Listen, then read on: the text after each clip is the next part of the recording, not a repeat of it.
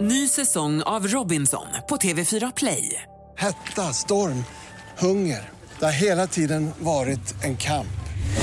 Nu är det blod och tårar. Fan händer just nu. Det. är Detta är inte okej. Robinson 2024, nu fucking kör vi! Streama söndag på TV4 Play. Så att vi sitter bara här just nu och Här pratar. sitter vi. Ja, gud, vilken... eh, Att det känns som att vi sitter i en äggkartong. Ska du ignorera? Då brukar jag ju inleda Ja. det hela med ett litet eh, intro. ja. Gud, jag är spänd på det.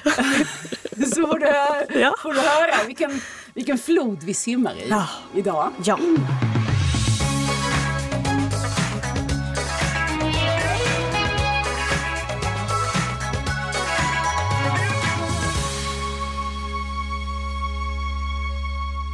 Hon var som tidigt vårljus. Jag var en stad på väg ur sin vinterdvala. Så beskriver 15-åriga Julie mötet med grannflickan B och tillsammans ska de bryta sig ut ur förortsburen av ensamhet, utsatthet och meningslöshet.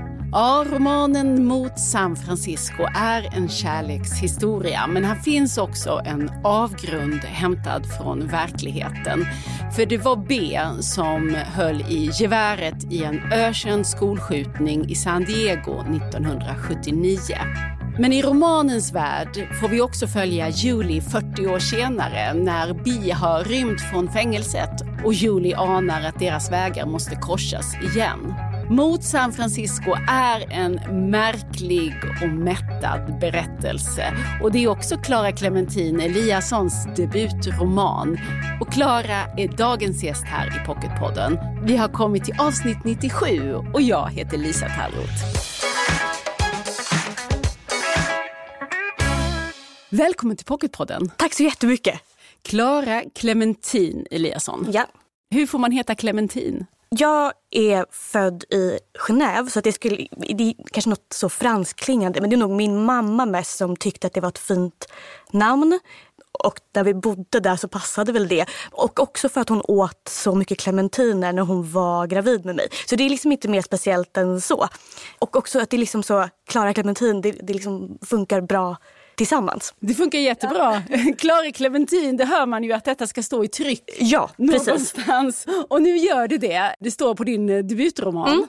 Mot San Francisco. Men om vi bara ska presentera dig lite kort först. Du är 30 år. Mm, nyss fyllda, eller ja, januari. Ja, och vad har du tagit dig för hittills i livet? ganska många saker och massa olika saker. Eh, om man ska säga liksom jobbmässigt så, så har jag pluggat otroligt mycket för att det är liksom det enda jag, jag älskar verkligen att plugga och då lära mig eh, nya saker. Så jag pluggade först biologi och då med inriktning mot systematisk botanik. Eh, så gjorde jag det i fyra år och sen kom jag på att det här vill jag absolut inte hålla på med för det, det leder ingenstans att sitta med en liten växt och kolla vilken alltså vilket släktskap den har. Så att då flyttade jag och min man till Spanien och sen till Frankrike och då pluggade jag kreativt skrivande. Och jag har alltid varit liksom en läsande och skrivande person. Mitt enda mål i livet från, från när jag var barn var att jag skulle bli författare. Och då pluggade jag då kreativt skrivande och då sa mina lärare typ att det, det här ska du fortsätta med. Och då bestämde jag mig- för att jag ska nog satsa på att skriva en roman. Så då har jag, sen började jag jobba på förlag och jag har alltid skrivit samtidigt och så har jag rest väldigt mycket. Jag har bott i Italien och Frankrike och Spanien och en del i USA också. Och om det här då har varit en barndomsdröm att bli Mm. författare. Jag tror att man ska kanske ha skrivit två böcker Ja. innan man verkligen Författarförbundet, ja. precis blir officiellt. Men, men här och nu tycker jag vi ändå kan kalla dig författare. Och om du skulle jämföra då barndomsdrömmen med att uppnå den. Alltså, det har inte hänt så mycket speciellt utan man lever ju på sitt eh, vanliga liv. Men eh, inför att boken skulle släppas, det var då som det märktes mest. För att jag fick eh, mitt eh, kontrakt då i februari förra året, precis när, då, när pandemin liksom kom eh, på ingång och när alla blev så deppiga så var jag otroligt glad. Jag gick bara runt och var så här, och livet är perfekt för man har ju såna drömmar. Då, alltså man tänker att när jag blir utgiven då så kommer allt att förändras. Och så gör det ju inte det. Men just de här månaderna mellan februari och i juli då när boken gavs ut. Då så liksom gick jag bara runt och, och tänkte att livet kommer att förändras. Jag vet inte till vad, men det kommer vara otroligt. Sen hände inte det riktigt, men jag, man kan inte vara glad i onödan. Vad var det för förändring du siktade mot? Jag vet inte, men jag tänkte bara att eh, nu, nu, kommer alla se att jag är författare. Nu kommer jag vara en person och jag kommer vara alltid glad. Och det, jag kommer vara otro, bli otroligt framgångsrik och rik. Och all, allting skulle bara bli perfekt. Men, men, men alltså, jag menar, jag är inte missnöjd med hur, hur saker är just nu överhuvudtaget. Men, men, ja. men månaderna där var när pandemin slog igång, då, då, var, då var det bra med mig. Men man kan väl säga att det återstår att se mm. om du kommer att bli en framgångsrik och, och rik ja. författare. För det har ju börjat ganska lovande får man säga. Din debutroman har fått väldigt eh, fina recensioner och mycket uppmärksamhet. Mot San Francisco heter den. Och um, vad var det som fick dig att skriva den här historien? Mm, det, det, började egentligen så här att jag skrev en helt annan roman som jag skickade in till förlag. Och den handlade om också två tjejer, fast lite äldre.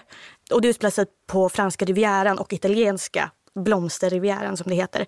Och det var också ett sånt klassperspektiv på något sätt att det är en som eh, är tydligt från en eh, lite sämre klass eller vad man ska säga och en som är, eh, har det lite bättre. Och då skrev jag den där och det, det fascinerade mig otroligt alltså hela miljön för att jag älskar verkligen ett sånt här medelhavsklimat. Men den refuserades från förlag men de tyckte ändå att det fann, många tyckte ändå att det fanns någonting i kärlekshistorien.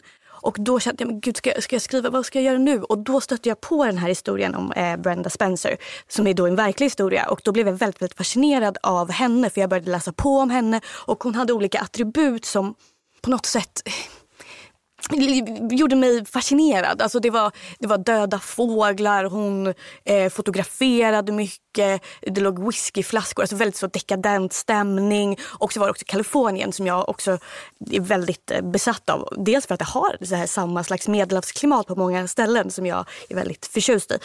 Då tänkte jag den här boken måste jag skriva, det här är, den här historien är till för mig. Och då började jag ju skriva från den fiktiva Julies perspektiv. Men, och desto mer boken liksom blev färdig så märkte jag att den här är väldigt, väldigt lik det jag skrivit tidigare. Så jag har liksom tagit den här eh, kärlekshistorien men gjort den, skapat en, liksom en tydligare dramaturgi kring den. Ska vi bara påminna om vad som är den här verkliga historien som, som, en, som var en startskott då för dig? För det var en skolskjutning, en av de första va? Mm, den första som blev internationellt eh, känd i alla fall. Det, det, det fanns skolskjutningar redan på 1700-talet. Typ. Alltså, så det, det, det, okay. det, det, har funnits. Men den här var den som blev eh, internationellt eh, känd. Det var, det var ju då en 16-årig flicka som höll i geväret. Det är hon som är denna Brenda Spencer mm. som i din bok får heta B. Mm. Och det blev ju såklart jättestort intresse kring henne och inte minst eftersom det hon sa när en reporter frågade henne varför hon hade gjort detta, varför hon hade skjutit mot sin skola och då också dödat två mm. personer, rektorn mm. och ytterligare någon personal. Va? Mm. Och sen en hel rad skadade personer mm. och såklart traumatiserade mm. barn och mm. vuxna. Så säger hon i don't like Mondays, sa hon när, ja, när reportern ringde. Hon, om jag kommer ihåg det rätt så satt hon liksom inne i sitt hus då när hon, när hon sa det. Så ja, och det, det är ju en eh, otrolig eh, låt, det som, det som blev Ja. Eh, sen, mm. Bob Geldof ja. som skrev en låt ja. om det här. Så det fick ju liksom uppmärksamhet i flera steg men såklart var det en eh, fasansfull och spektakulär händelse att den här unga tjejen tar ett gevär och skjuter in. Och det har skrivits en del om henne och den här historien. Mm. Så, men hur hittade du detta överhuvudtaget? Jag, alltså inne på Youtube eh, bara och eh, så man klickar sig runt och så står det så kvinnliga seriemördare. Ja, då kollade jag väl på det och då såg jag henne och henne hade jag aldrig hört talas om. Jag, alltså, jag visste ganska lite om skolskjutningar. Det är liksom ingenting per se som har intresserat mig att, att skolskjutningar. Jag trodde typ att alltid var killar som höll på med sånt. Ja. Eh, så då blev jag så här, gud men vad, vad, är det här för person och, och vad är hennes bakgrund? Det finns ju inte så jättemycket om, ja, så att, vilket gör det också lättare att hitta på som jag har gjort då. I och med att det här har ju egentligen inte speciellt mycket med den verkliga personen Nej, för att vad, göra. vad är i slutändan relationen skulle du säga mellan verkligheten och din roman? För att den här personen finns ju och lever ju faktiskt fortfarande idag. Hon sitter i fängelse. Eh, hon fick ju livstid. Mm. Och eh, man kan liksom googla henne och få en bild. Och jag tänker att du har gjort det, för rent utseendemässigt så är det ungefär så du beskriver henne. Mm. Men vad, vad är, berätta lite, vad är kopplingen mellan verkligheten och Alltså, romanen? Nu i slutändan så är det väl utseendet framför allt skulle jag säga. Och att hennes pappa faktiskt gav henne ett gevär i julklapp. Eh, att hon tyckte om att fotografera och då datumet eh, som hon sköt på. Året och datumet. Platsen, alltså skolan är densamma, i alla fall som jag har tänkt. och Det huset hon, för det har jag sett på bilder liksom, och skrivit utifrån det. Eh, annars vet jag ju inte så mycket eh, om henne. Och hon blir ju ganska mycket en eh, bifigur i hela boken. För att det, från början så är det ju henne det handlar om när de är unga. Men sen är det ju också den här fiktiva personen Julie. Det är ju hennes resa som man egentligen följer. Och ja, mm. Ja men precis, hon, det är ju grannflickan. De, är, de bor grannar de här tjejerna. Bi, som du kallar henne i boken, B, och eh, Julie. Och Julie är huvudpersonen. Och eh, deras möte eh, är ju väldigt drabbande för de båda. Och jag tänkte du skulle få läsa lite grann så vi kommer i stämning här, för det är mycket stämning i din bok också.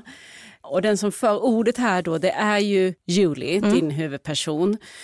Och vi befinner oss då i den här förorten till San Diego i Kalifornien 1978 är det. Det är där boken börjar. Hur ska jag minnas om det var stjärnor på himlen eller hur lång natten egentligen var? Jag såg bara hennes skrattrynkor och håret som precis hann bli torrt innan hon skjutsade mig hem. Den heta doften av kalifornisk natt. Det var omöjligt att då förutse att hon senare skulle bli känd över hela landet som flickan som sköt. Flickan som verkade ångra inget, förlåta ingen och leva snabbt och farligt. Hon som förklarat att allt ändå var tråkigt med en röst som om hon nyss sovit. Men våren 1978 hade Bi fortfarande dofter i sitt hår. Hennes kläder var nästan hela och hon sa alltjämt saker som var begripliga. Men mest av allt, hennes händer var bränder, mina att släcka. Jag förstod aldrig varför hon valde mig.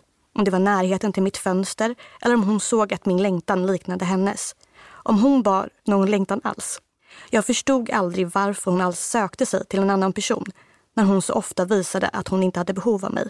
Ville hon ha ett vittne eller någon att dela världen med?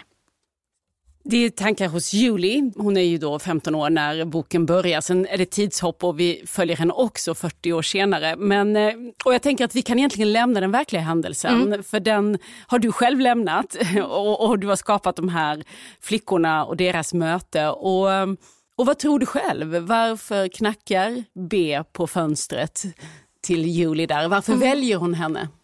närheten, alltså att eh, hon, hon vill bara ha någon person att, eh, att vara med. Jag har föreställt mig att hon har knackat på många fönster men det är bara Julie som också delar längtan till någonting annat. Alltså som också är på väg någon annanstans.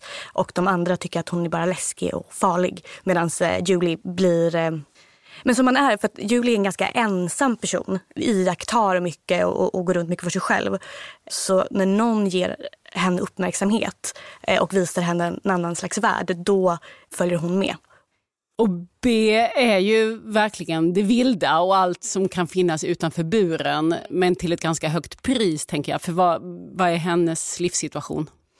Precis. Eh, hon bor med sin pappa. Mamman är försvunnen. Det är liksom lite oklart eh, vart hon har tagit vägen. Pappan är absolut så alkoholist. Och det sker någon form av övergrepp. Alltså pappan eh, förgriper sig på, på Bi då. Eh, och men det är liksom lite dunkelt och det här vet jag inte, ha, vet inte om det finns någon koppling till verkligheten utan det är min egen fantasi då.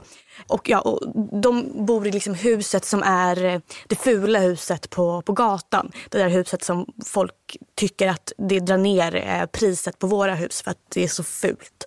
De sköter inte gräsmattan och målar inte om huset och sådana där saker. Så hon har det ju tufft, minst sagt, den här tjejen. Och tar till flaskan själv i tidig ålder. Både dricker och tar droger. för, då, för det är ju den här berättelsen om de här två tjejerna. Och Det är en kärlekshistoria men det är också någon slags överlevnads frihetsberättelse. Och jag bara funderar på varför du överhuvudtaget blandar in den här skolskjutningen i San Diego. Tänk, hade du kunnat berätta den här historien utan att bry dig om verkligheten? Det känns som att det, om, jag, om man har bestämt sig för något, som jag gjorde då från början, då känns det så himla svårt att avvika från den där planen. Jag skrev den här på en eh, folkhögskola, en skrivskola då.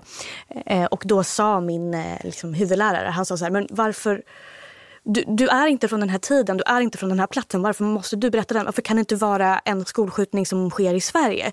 Eh, som du har bara hittat på. Det behövs ju inte egentligen. Och då tänkte jag att, tänkte jag, nej, alltså, vad är det du pratar om? Du dummaste jag sagt. För att för mig är liksom hela den kaliforniska allt möjligt är också ett eget väsen, eh, liksom en egen karaktär i, i hela boken. Och jag vill inte berätta om Sverige. Jag har ingenting att berätta om Sverige. Jag vill berätta om det som jag tycker är det vackraste som finns, vilket är ett medelhavsklimat och två personer som är i det. Och då kunde man ju ta bort att det var en verklig händelse men då kändes det att det var för likt den verkliga händelsen så varför inte bara säga att det var det då i och med att jag hade från början utgått från det.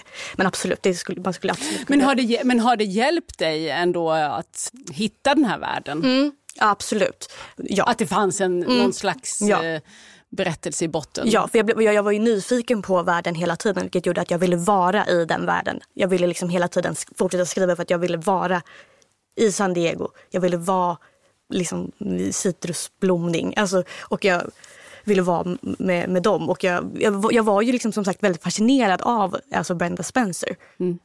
Och det är ju alla människor i hennes närhet mm. i boken också. Alla undrar ju vem hon är egentligen och vad hon kan ta sig för och man är rädd för henne och, och håller ju henne helst på armlängds avstånd. Mm. Judys föräldrar försöker stänga in henne för att hon inte ska träffa den här grannflickan. Och jag tänker att eh, den frågan i alla fall hanterar, hanterar du ju. Alltså, vad driver en person till att plocka upp ett gevär och skjuta rakt in på en skola. Mm. Och det, det var jättesvårt att komma på äh, det. Alltså, Va, vad som skulle kunna vara anledningen ja, till att hon... precis. Alltså, eller det, blir, det är ju ganska självklart vad som är eh, liksom en orsaken i, i en sån... Eh, att, att, det handlar ju antingen om att det är en väldigt psykisk sjukdom eller att man kommer från ett, man är förbisedd, liksom, eh, kommer från, från en dålig plats. Och jag har inte själv liksom sådana slags erfarenheter. Men så att, ja, jag har verkligen fått eh, undersöka och göra om väldigt mycket. Alltså, de som har läst har sagt så här, du, du måste, det måste vara mer. Alltså, det kan inte bara vara att hon bara plötsligt, åh, nu, har hon, nu, nu har de ätit massa frukter och eh, dansat och nu skjuter hon. Utan det måste vara mörkare, det måste vara skitigare. Så. Mm. Du undviker ju att skildra själva skjutningen. Mm. Det, vi har ett långt före, en lång upptrappning och vi har ett, ett långt Mm. efter. Mm. Och varför hoppar du över den?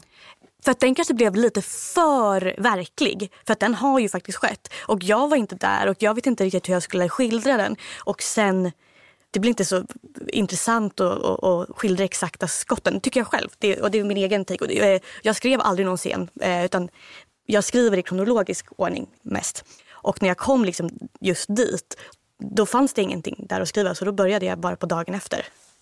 Och hade man kunnat byta ut katastrofen mot Mm. en annan katastrof i boken? Alltså jag tänker det är lite Ja. så du hanterar skolskjutningen. Ja. Att den är, Absolut. vi är på väg mot avgrunden och sen befinner vi oss efter avgrunden. Men Ja. exakt vad den består i är inte bärande för historien. Nej, precis. Nej, absolut.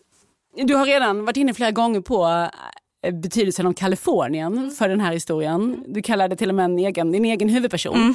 Och, eh, och här finns ju också väldigt mycket av poesin och sinnligheten. Det är ingen slump kanske ändå att du har läst botanik och fördjupat dig i växterna. För här finns ju akacian, oleandern, jacarandan, eukalyptusen. Det doftar och eh, det känns. Och berätta om den världen. Vad har du för förhållande till den? Till Kalifornien och hur du skulle berätta om den här platsen? Alltså, sen jag var väldigt liten så har jag alltid eh, dragits till och fascinerats av eh, växter.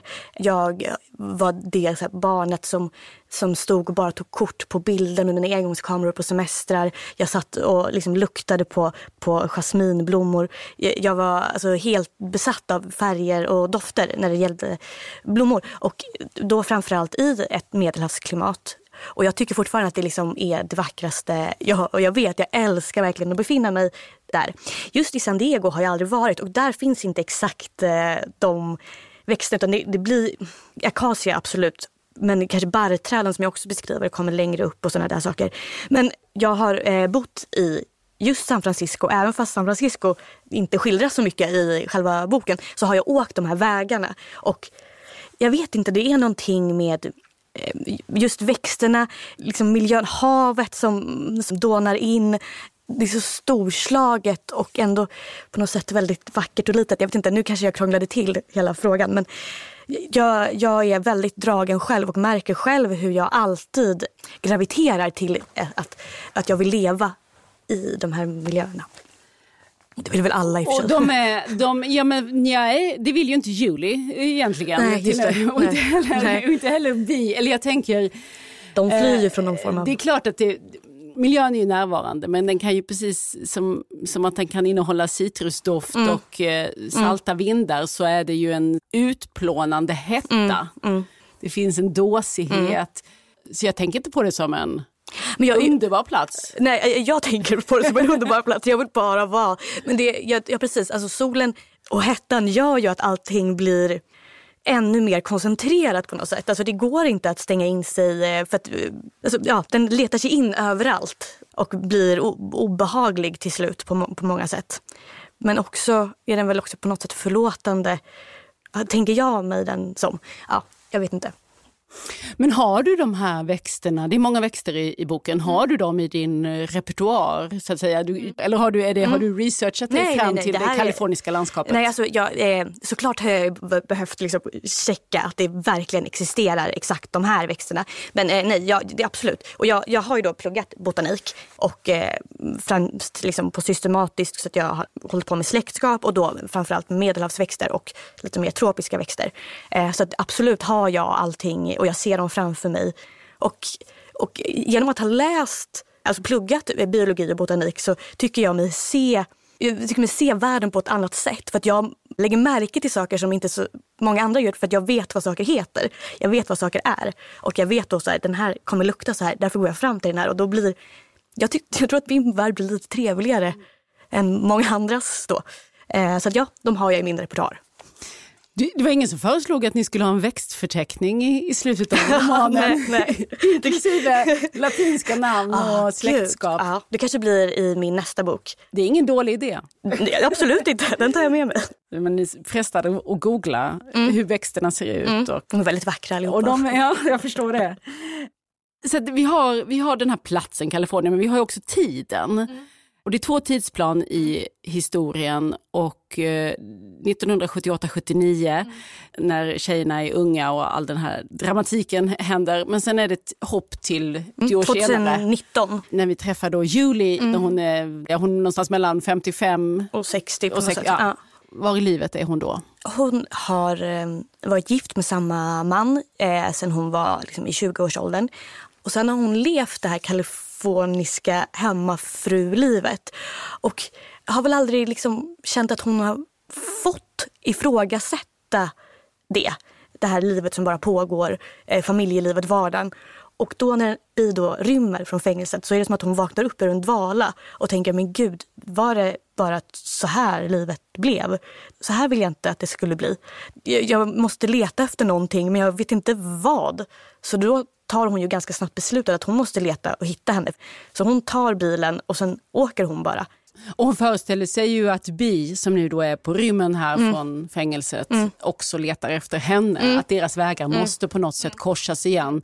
Kanske för att reda ut skuldfrågan, mm. Mm. det som en gång skedde där 79. Eh, så det blir en, en slags roadtrip till. Precis, två parallella liksom, roadtrips. Ja. Men eh, för jag tänkte på det där med tiden och hemmafrulivet. Det är lite ironiskt att hon hamnar i det själv, eh, Julie, för det var ju precis det hon skulle fly mm. på 70-talet. Mm. Så vad tänker du, hur mycket spelar tiden roll här? Att det här rör, utspelar sig då när det gör sent 70-tal? Mm, alltså, eh, för mig eh, kändes det väldigt viktigt från början att kunna skildra någonting som ett minne. Alltså att det är någonting som har hänt. Så det är en förutsättning att det måste ske längre bak. För jag kan inte skriva om framtiden. Så att, att den som minns måste leva i vår tid. Men att det har skett någonting som hon måste bearbeta.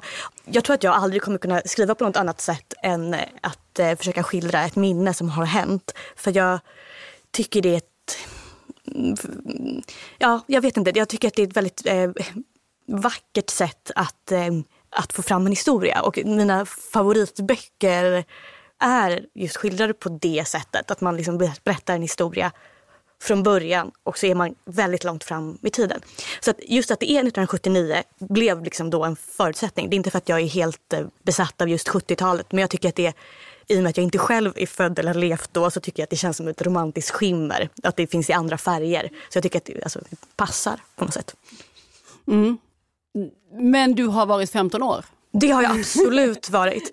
Och jag var också en sån som var, blev besatt av människor och blev jätte, jättekär och eh, kunde göra vad som helst för dem. Det var ingen som frågade mig om jag skulle åka ut på en roadtrip. Men jag hade kanske sagt ja till en sån sak. Eh, för att jag eh, var väldigt eh, jag är väldigt sugen på äventyr själv. Så att, jag, eh, just från det perspektivet har jag ju tagit väldigt mycket från hur jag själv kände då. Men sen ja, gjort det väldigt, väldigt mycket större såklart, som man gör.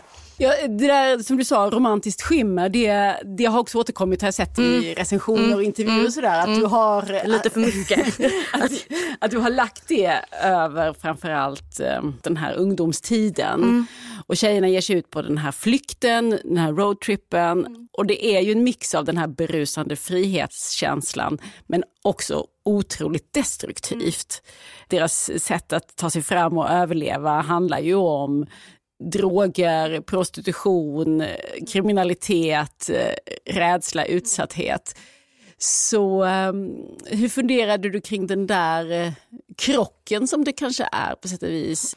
Absolut så har jag ju funderat på det. Men grejen är att i alla fall när jag skriver, då har jag bara skrivit ut efter vad jag själv vill befinna mig och läsa. Och jag tycker att det är, den där Alltså jag vill ju såklart inte ge ett romantiskt skimmer över prostitution eller, eller att liksom vara kriminell överhuvudtaget. Jag har liksom inte tänkt det så utan jag har tänkt att jag ser det genom en 15-16-årings ögon och då där kan man romantisera sådana eh, liksom såna saker eh, för att man inte har erfarenhet av vad sådana saker kan leda till tänker jag själv, även fast de, de är ganska gamla så de borde förstå. Men de är också inne i sig själva, de är inne i sin egen liksom, kärleksbubbla på något sätt. Vilket gör att allting blir ganska eh, fint och, och, romantiskt. Men jag har också tänkt hela tiden att det ska vara som typ en Lana Del Rey-låt. Där det är väldigt vacker musik och hennes vackra röst och hur hon ser ut. Men att hon sjunger om typ väldigt så destruktiva saker. Så det har hela tiden varit en inspiration och om hon får göra det så vill jag också få göra det. Det får du! Ja, tack! Och sen tänk, tänkte jag mer än en gång på Elena Ferrantes fantastiska mm. väninna, den kvartetten. Framförallt för att det är den relationen. Det är såklart det. Det är absolut mina favoritböcker. Och där, som jag pratade om innan, att där är också att huvudpersonen berättar utifrån ett minne och sen tar allting i kronologisk ordning. Och det är ganska, det här har ingen upptäckt, men då kan jag säga det, att min bok, ska vi se, när den börjar hos juli 2019 det är exakt samma början som i, eh, i alltså min fantastiska... Min första fant delen? Ja. Den, alltså, Av Lena Ferrantes mm, eh, det är, alltså, jag har alltså? Jag har typ snott det rakt eh, av. Alltså, jag har bytt ut lite så här. Läs. Okej, okay. då ska vi se. När Bis ansikte dök upp på tvn tidigare ikväll blev jag som vanligt nervös och var därför nära att stänga av. Jag tänkte att det väl skrivits ännu en bok om henne eller att en ny skolskjutning ägt rum. Men nej, det var varken eller. Bilden av henne uppenbarades på skärmen för att hon var försvunnen. Och det här är, istället för tv så börjar den boken med att eh, Lilas son ringer. Och att hon är försvunnen. Den börjar ju också med ett försvinnande. Den, ja, mm. så den, alltså, jag kopierade rakt av och så gjorde jag om lite. För att jag tycker att det är så, jag älskar den sviten. Har du fler inspirationskällor? Mm, och det är också så eh, helt eh, annorlunda ifrån vad den har beskrivits. Kjell Westöstens Svavelgula himlen har också varit en alltså, jättestor grej. Jag tror att jag har snott liksom rakt av lite olika meningar alltså, av honom. För jag tycker att han, det finns ingen eh, som skildrar minnen så så vackert och framför allt just i den svavelgula himlen som jag var helt eh, besatt av. Jag tror att den slutar typ, vad är det egentligen vi minns och vad är det vi älskar? Och det har jag nog någonstans där. Eh, och också en annan bok som heter eh, Vad jag bevarat. Den heter Wallace någonting. Jag vet inte, den kom på Natur och kultur för några år sedan, en återutgivning. Som också handlar om ett minne hur livet blir. Eh, så att, ja, absolut, men det är ju verkligen ingen som har sagt jag tycker att det här påminner om Kjell Westö eller Elena Ferrante. Det har inte, utan det har bara varit eh, flickorna.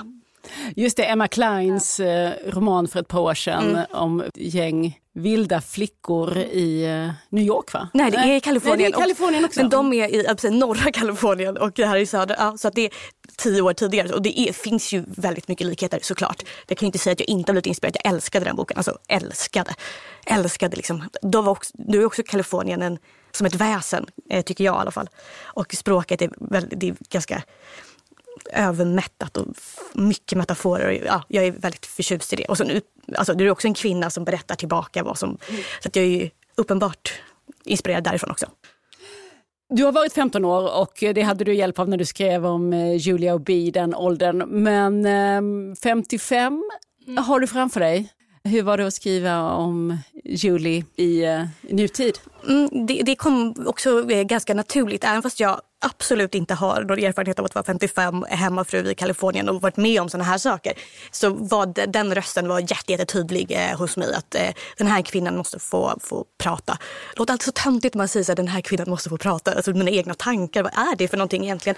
Men ja, hur som helst så, jag har alltid varit fascinerad av då, så kvinnor eh, som är liksom lite eh, äldre som vaknar upp ur en dvala. Och, alltså eh, Julianne Moores roll i filmen Timmarna. Jag såg den när jag var 12 år och den gjorde mig så otroligt berörd redan då. Som också är en eh, roman, Michael Cunninghams exakt, eh, exakt. roman. Otrolig roman också, men jag såg faktiskt filmen först för jag hade den, vi hade den på landet och det, jag satte mig och kollade på den själv och sen kollade jag på den en gång till. Och då var jag liksom 12 och jag, på något sätt, det var då det här stora vemodet över livet bara träffade mig. Och sen dess har jag liksom framförallt den här hemmafrun som, som liksom lämnar sin familj för att hon inte hon klarar inte av det längre. Och det, ja, det, så att jag har skrivit upp det efter liksom fiktiva erfarenheter. Jag har aldrig velat liksom skildra mitt eget liv eller förut, alltså mina egna erfarenheter tar man ju hela tiden. Men det, det, ja, jag, jag vill hitta någon annans röst. För då blir jag intresserad av den personen och vill då vara i skrivandet mer. Vilket gör att jag skriver alltså, längre texter. Och jag vet inte, den här kvinnan har fascinerat mig så mycket och jag vill liksom rota. Och sen har jag, alltså, jag har läst jättemycket böcker som, som är från det perspektivet och sett filmer. Så jag har liksom försökt ja, få ihop en fiktiv erfarenhet.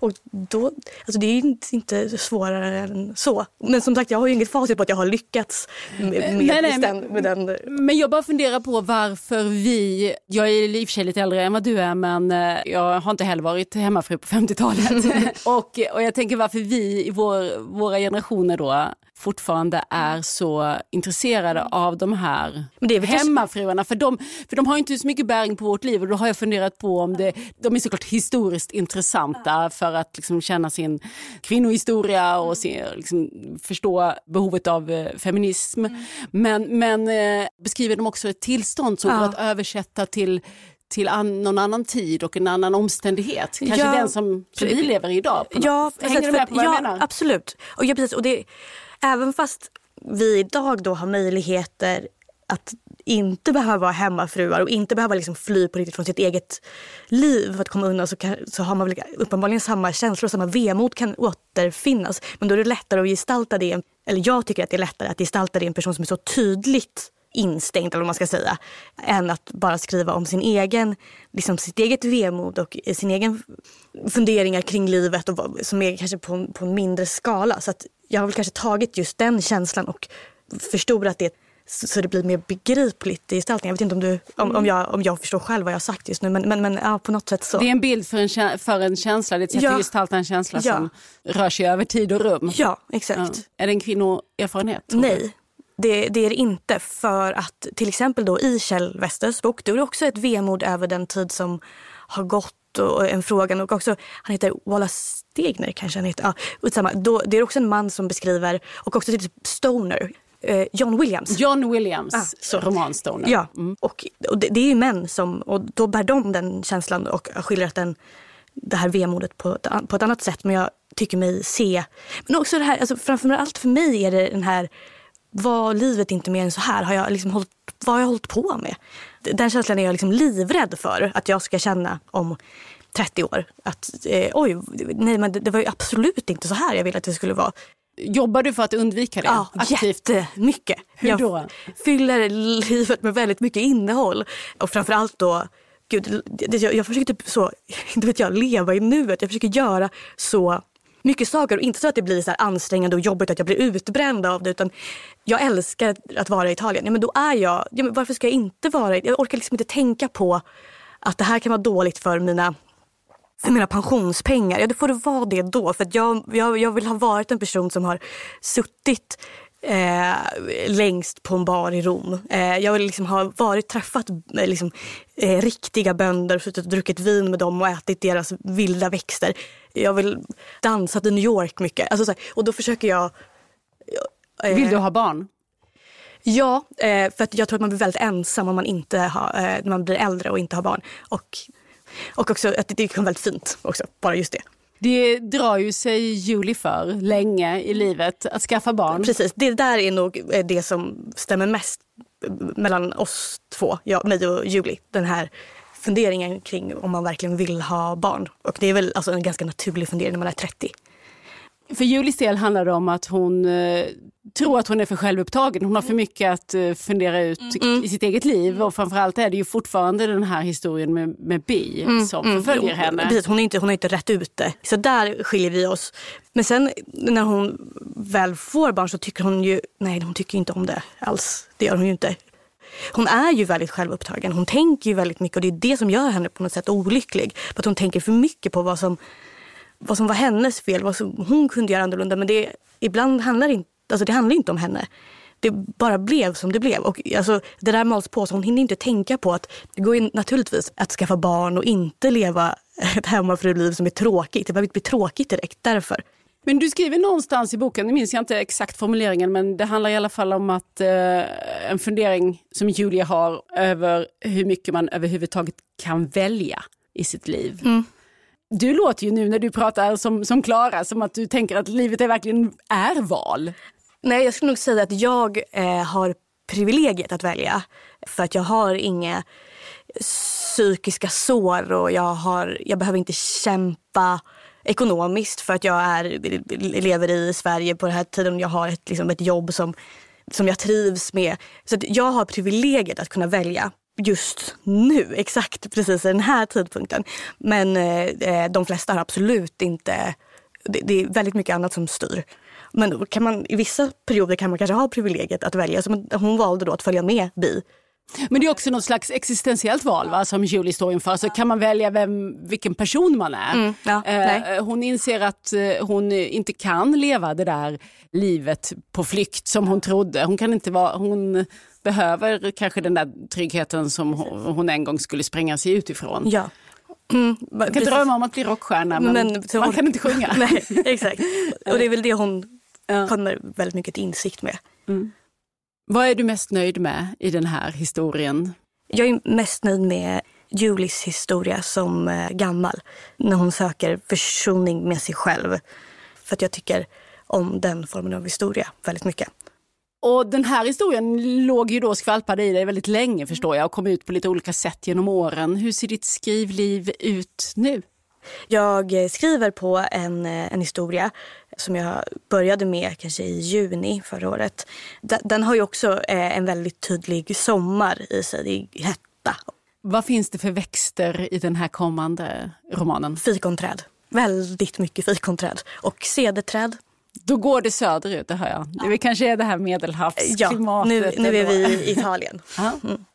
Tusen tack, Klara Clementin Eliasson, för att du kom hit och pratade om din första roman, inte den sista, det hör jag, mot San Francisco. Tack så mycket för att jag fick komma.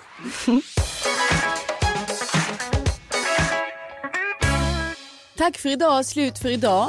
Pocketpodden kommer ju med ett nytt avsnitt varje fredag. Så vi hörs snart igen hoppas jag. Tills dess, lyssna och läs och följ oss gärna i sociala medier. Där heter vi Älska Pocket. Och jag heter Lisa Tarrot. Hej då! Du har lyssnat på Pocketpodden. En podd från Bonnierförlagen.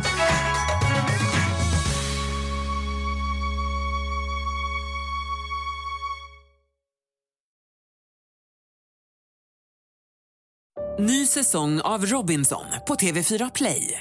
Hetta, storm, hunger. Det har hela tiden varit en kamp. Nu är det blod och tårar. Fan händer just nu. Det. är Detta är inte okej. Robinson 2024, nu fucking kör vi! Streama söndag på TV4 Play.